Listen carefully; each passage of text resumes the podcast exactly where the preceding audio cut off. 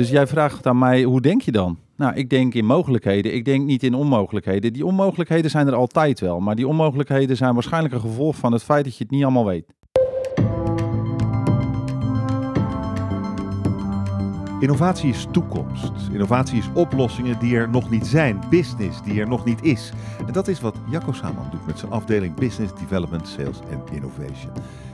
Wat is innovatie voor jou? Innovatie voor mij, Roelof, is uh, vernieuwing, is uh, vooruitkijken, is toepassen. Datgene wat een ander van zegt van ja, dat ken ik niet, herken ik niet, dat heb ik nog nooit toegepast. En dat, dat proberen te vermarkten. Waarom doe jij innovatie? Waarom ik zelf persoonlijk innovatie doe? Omdat ik, ik geloof in creatieve, vernieuwende, nieuwe manieren van denken. Het, hetgeen wat we jaren deden, dat kan slimmer, kan anders. Wat is jouw creativiteit? Mijn creativiteit is dat ik uh, anders denk dan waarschijnlijk heel veel anderen. Die binnen, die denken vanuit het bestaande. Het, ja, vaak, maar ik word geprikkeld door mensen die zeggen het kan niet. Maar leg me uit, wat is jouw manier van denken dan? Hoe is die anders dan mijn manier van denken? Of de, de rest van Spies manier van denken? Ja, dat is dat sommige mensen nemen wat meer tijd om te denken. En ik denk dat, het, ik denk dat de snelheid... Meer, meer tijd dan jij? Nou, dat weet jij ik niet. Jij bent vlugger. En dat weet ik niet. Dat denk ik, wel ik, Ja, dat zou kunnen, maar dat is een andere manier van denken. Dus jij vraagt aan mij, hoe denk je dan? Nou, ik denk in mogelijkheden. Ik denk niet in onmogelijkheden. Die onmogelijkheden zijn er altijd wel. Maar die onmogelijkheden zijn waarschijnlijk een gevolg van het feit dat je het niet allemaal weet. Datgene wat ik misschien al wel weet, wist jij nog niet. En omdat ik het weet, zie ik daar geen probleem in. Het is dus voor jou een uitdaging, voor mij iets wat ik al weet. En dat is um, het gevolg van? Geen idee. Van wat? Van nou ja, de natuur. Van, um, maar het is, ook, het, het, is ook een manier van naar de wereld kijken. Dat zou kunnen. Denk ik. Nou, dat, dat is een hmm. moeilijke vraag, maar ik vind dat een lastige vraag, omdat dat... Hoe kijk ik anders dan een ander? Nou, dat, ik weet het niet. Ik zie eigenlijk overal mogelijkheden, kansen en opportunities. En die leiden dan vaak tot een innovatie. Want innovaties lijken soms ook wel een hot topic hè, van de afgelopen 10, 15 jaar. Ik denk dat de hele wereld al volgestaan heeft met een groei op het gebied van innovaties. Op een andere manier innovaties invullen. Uh, we, we, hebben de industrialisering meegemaakt. We gingen van een paard naar een tractor. De boer zegt van ja, die ga ik niet gebruiken, want die rijdt. Ik ben gewend aan mijn paard. Nou, dat soort dingen, daarvan denk ik van ja, maar als je dat nou weet, dat een tractor makkelijker, sneller en eenvoudiger is, dan ga je die toch toepassen. Durf je, je, toe te passen, durf je, je, te veranderen. Als je die voordelen ziet. Ja, maar, maar, maar ja, dan moet je ze wel zien. Wat brengt innovatie voor SPI? Nou, innovatie brengt uh, toekomst, uh, geeft aan uh, binnen SPI dat er nog steeds mogelijkheden liggen. De markt is bereikbaar, er zijn nieuwe markten bereikbaar, er zijn ontwikkelingen. We, we, lopen voor ten opzichte van technologie als we het toepassen. Het biedt kansen. Had je niet gewoon omzet moeten zeggen? Kan ook, maar ook winst.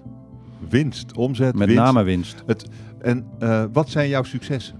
Bij SPI is het zo dat wij vanuit de stafafdeling innovaties aandragen die opgenomen worden en overgenomen worden in de operationele directie. Ja. Die operationele directie doet het erbij. En dan is het aan hun, samen met ons, om te zorgen dat de innovatie winstgevend wordt en een succes wordt. En zeker, er zijn successen. We hebben een middenspanning uh, succes, we hebben een cybersecurity succes. We werken met elkaar samen aan modulebouw. We werken op het gebied van uh, IVPP, integrale virtual power plants. We, we ontwikkelen een aantal dingen waarin de operatie de uitdaging van de markt ziet en eigenlijk die innovatie erbij krijgt, erbij gaat oppakken om dat naar de klant toe te brengen. Om die klant in een proactieve houding mee te nemen in datgene waarvan wij het idee hebben dat dat veel beter aansluit dan, bij wat die klant überhaupt ooit bedacht heeft. En met wie moet jij dan het meest praten? Met een klant of met je collega's? Nee, wij praten met name met de, de klant en de leveranciers omdat de leveranciers zijn vaak productleveranciers. Die, die, die hebben bedacht hoe een product van hun op een innovatieve manier vernieuwend is voor die, voor die eindklant. En die eindklant heeft vaak een vraag, omdat het een maatschappelijk thema, energietransitie, digitalisering of op een andere manier reductie van energiestromen is. Waardoor dat, dat product aansluit bij zijn wensen. Die klant kent echter dat product nog niet helemaal. En wij kunnen als systeemintegrator dat volledige product introduceren bij die klant. Wat zijn uh, mislukkingen? Mislukkingen. Mislukkingen zijn als een innovatie door ons te traag wordt opgepakt, waardoor dat die over twee jaar geen innovatie meer is, maar current business. En al onze collega's naast ons die innovatie al hebben opge opgenomen en wel geadopteerd hebben, dan hebben wij de trein gewoon gemist. Waarom zeg je twee jaar? Nou, een innovatie kan soms binnen één jaar, twee jaar, binnen vijf jaar een gewoon normaal gestandardiseerd productportfolio zijn. Dus hoe langer je wacht met een innovatie uit te voeren, hoe minder attractief de winst kan zijn en de marge is. Ja, die, die snap ik. Maar twee jaar is dus cruciaal. Nou, niet. Termijn. Ja, dat ligt een beetje aan het soort en type productportfolio. Op het moment dat je het hebt over energietransitie, dan is misschien nu binnen, binnen een half jaar is het al. Dan moet je dus de innovatie die je hebt lopen nu eigenlijk al implementeren, omdat je wil voorkomen dat die over een half jaar door anderen al ingebed is. En als die door anderen is ingebed eerder, Dan bij ons dan, dan, dan heb je de boot gemist. hebben we de boot gemaakt. Dus je moet eigenlijk hoeveel voorlopen op de markt dan? Wat, wat zou je Nou, denken? wij hebben, wij hebben binnen de afdeling BDSI aangegeven dat we kijken naar de trends innovatie, development en sales. En wij, wij, wij willen de trend van een jaar of vijf tot tien vooruit pakken. Daar ontwikkelt zich een trend. Daar ontstaat wat. Zo hebben we een aantal jaren geleden, 2016, hebben wij de energietransitie, digitalisering, duurzaamheid en circulariteit en zorg en welzijn al op de strategische kalender gezet. Het is nu anno 2023.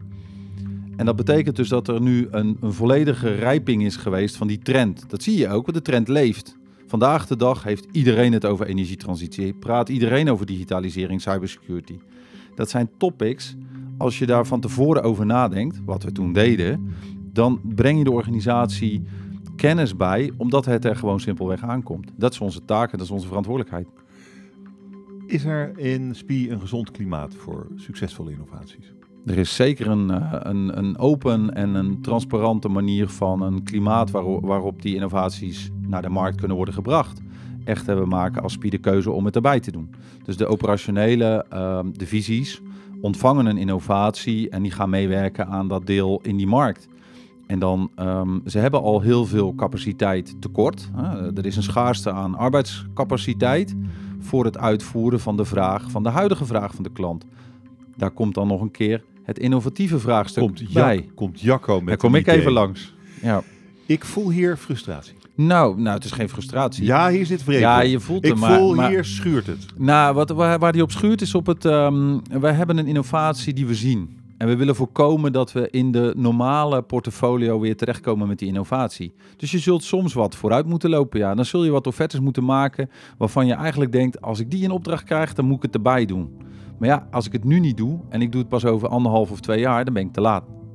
Minder marge, andere omzet. Zie jij, dat, eh, zie jij dat de business dan vaker de keuze maakt voor zekere omzet in plaats van voor extra moeite en onzekere omzet als het gaat om, om het verkopen van een innovatie? Nou, ik, eh, wat, ik, wat ik terugzie is dat, ehm, dat in de huidige markt, in de huidige situatie, is er een tekort aan arbeidskrachten, aan personeel en is er voldoende werk.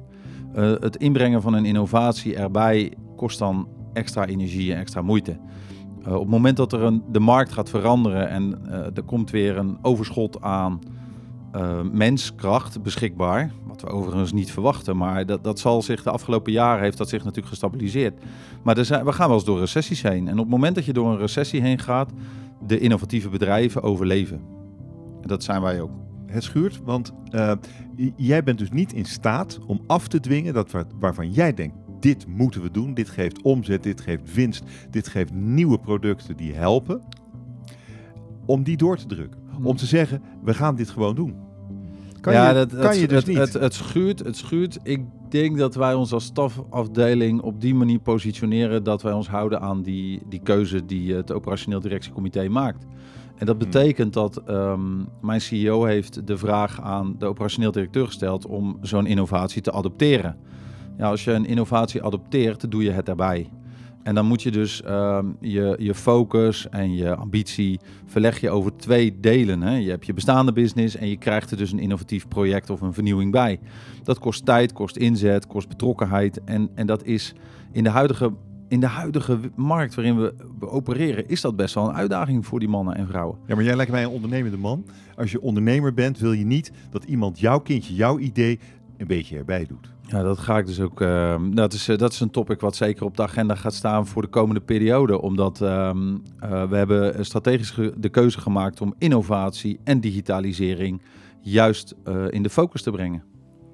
Hoe dan? Nou, volgend jaar gaan we los van het huis op orde, hè, het Operational Excellence deel. We hadden drie strategische topics. Uh, huis op orde, innovatie, digitalisering Mm. en, daar, daar, en, en uiteraard ook duurzaamheid. Dat hebben we aangepast richting innovatie en digitalisering. En dat betekent dat er meer ruimte komt binnen de operatie om juist uh, die vernieuwende innovatie te gaan uitrollen. Wat betekent dan voor die ondernemende man die hier tegenover mij zit en die ziet dat zijn, zijn kindjes zijn briljante ideeën geadopteerd worden?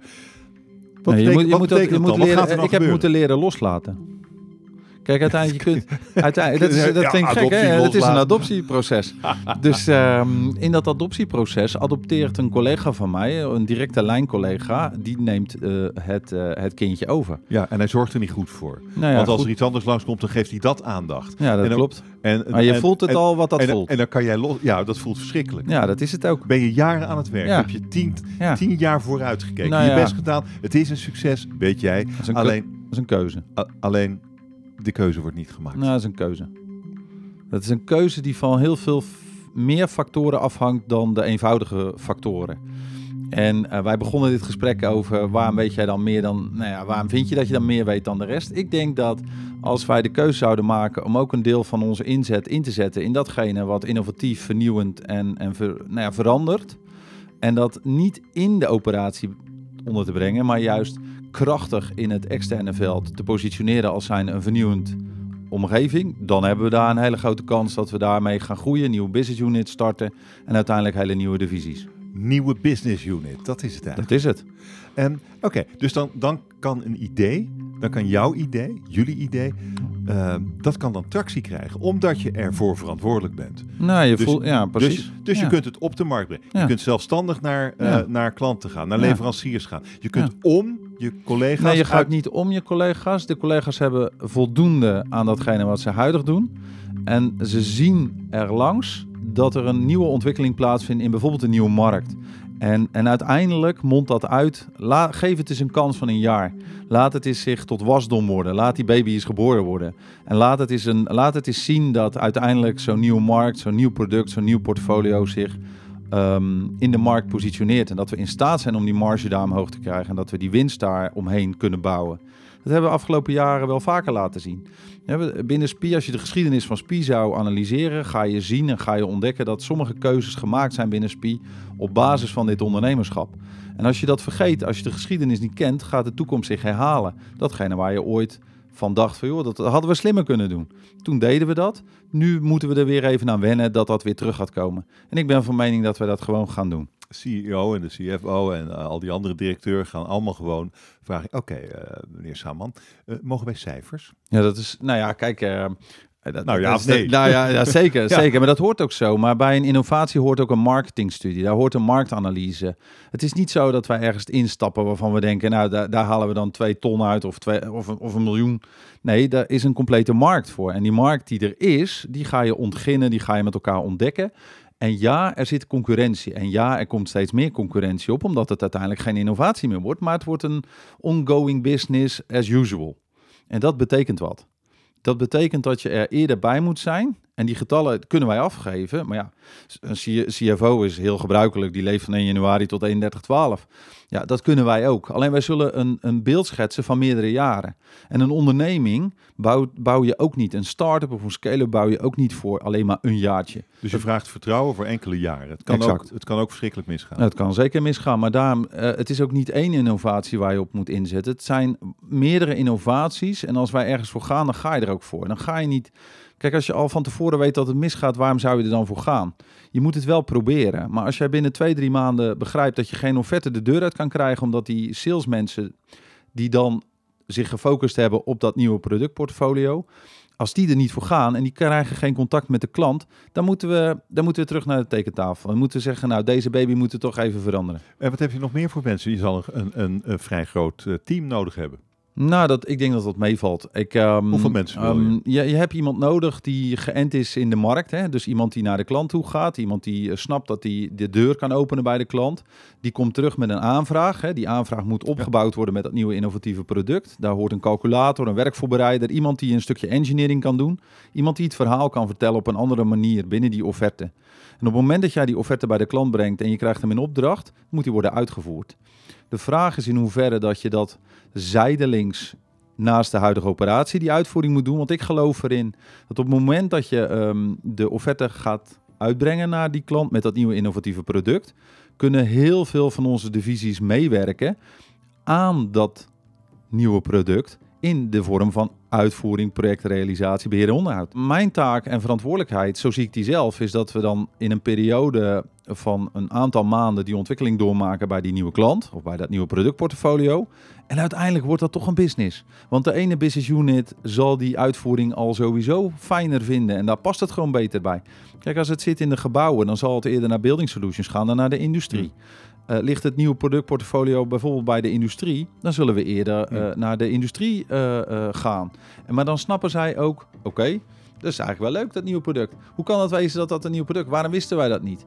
Ik, ik ben van mening dat als wij ze interessant maken, die nieuwe producten, en we laten zien dat we het kunnen vermarkten en kunnen verkopen met een heel klein team, individueel per product en per markt. Nou, geef mij maar, laat mij het maar bewijzen. Heb je al een naam? BDSI.